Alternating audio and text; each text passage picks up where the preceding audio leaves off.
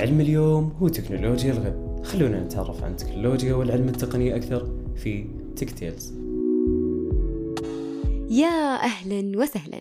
حياكم الله مستمعينا في الحلقة الثانية من Tech Tales أحد سلاسل بودكاست شريحة.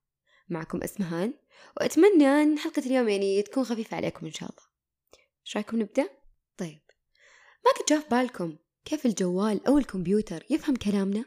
أو كيف حتى ممكن توصل كلماتنا للحاسب ويفهمها وينفذ أوامرنا بشكل سلس وسريع جدا؟ بتكلم لكم اليوم عن اللغة اللي سببت النهضة في عالم التقنية اللي هي الباينري. بداية خلونا نتفق إن الحاسب ما يفهم أساسا لغتنا الطبيعية اللي إحنا نتواصل فيها مع الناس. بمعنى آخر ما يفهم لا الحروف ولا الأرقام ولا حتى الرموز. طيب الحين راح تستغرب. كيف الحاسب يترجم الكلام والأوامر عشان هو يفهمها؟ أما بطبيعة الحال هو ما عنده مخ مثلنا. هنا نجيكم. كلامنا وحروفنا تترجم للغة الحاسب. إيوه له لغة خاصة فيه اللي هي ال binary code. وله طبعا أكثر من مسمى ممكن يكون مر عليكم مثل لغة الصفر والواحد ال binary number system أو نظام الأرقام الثنائية وغيرها. وهنا نجي نقول تعريف ال binary code إن شفرة ثنائية تكتب المعلومات في سلسلة رقمية مكونة من رمزين اللي هم كما ذكرنا صفر والواحد. والعجيب إنهم الأساس لكل الرموز الثنائية اللي يستخدمونها في جميع أنظمة الحوسبة. وطبعا مبنية على الرياضيات. إيوه الرياضيات بتلاحقكم حتى هنا. طب دام هو الأساس فمعناها إن كل أنظمة وعمليات الحوسبة مبنية عليه مثل ما قلنا.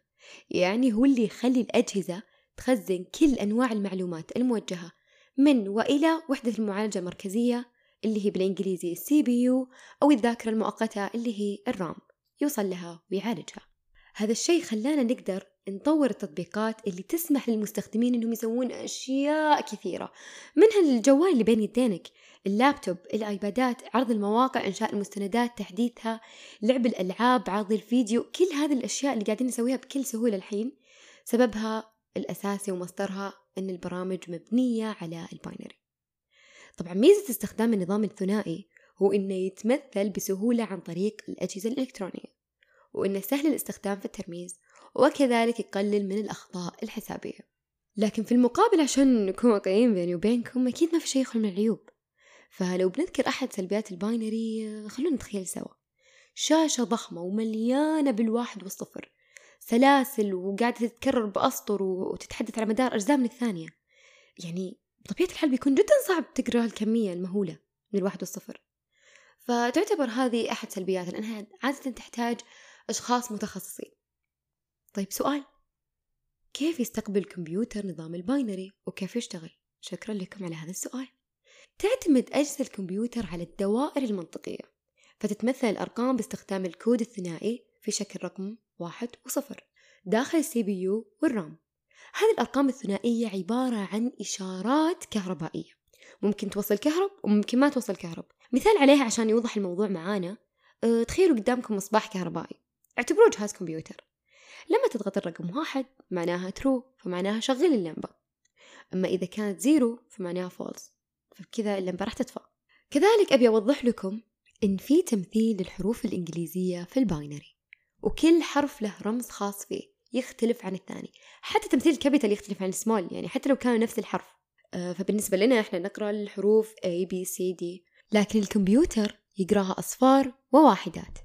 يعني لو جينا الحرف ال A capital بيكون التمثيل صفر واحد خمس أصفار واحد. بينما الأي سمول بيكون تمثيلها صفر واحد واحد.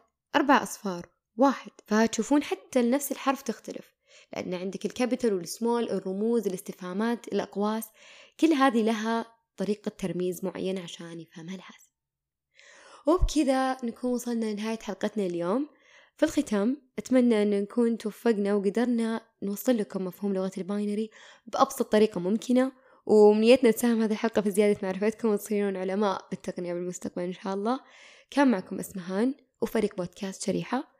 طبعا ما ننسى اللي ساهموا في كتابة المحتوى آلاء طلال وريمة باس ومحمد الحميد لا تنسون تزورون حسابنا في تويتر وتقولوا لنا آراءكم وإذا ناسبتكم الحلقة والمحتوى والطرح أو إذا عندكم ملاحظات أكيد نرحب بالنقد البناء عشان نقدم لكم الأفضل. نشوفكم إن شاء الله في حلقة أخرى بموضوع آخر. مع السلامة.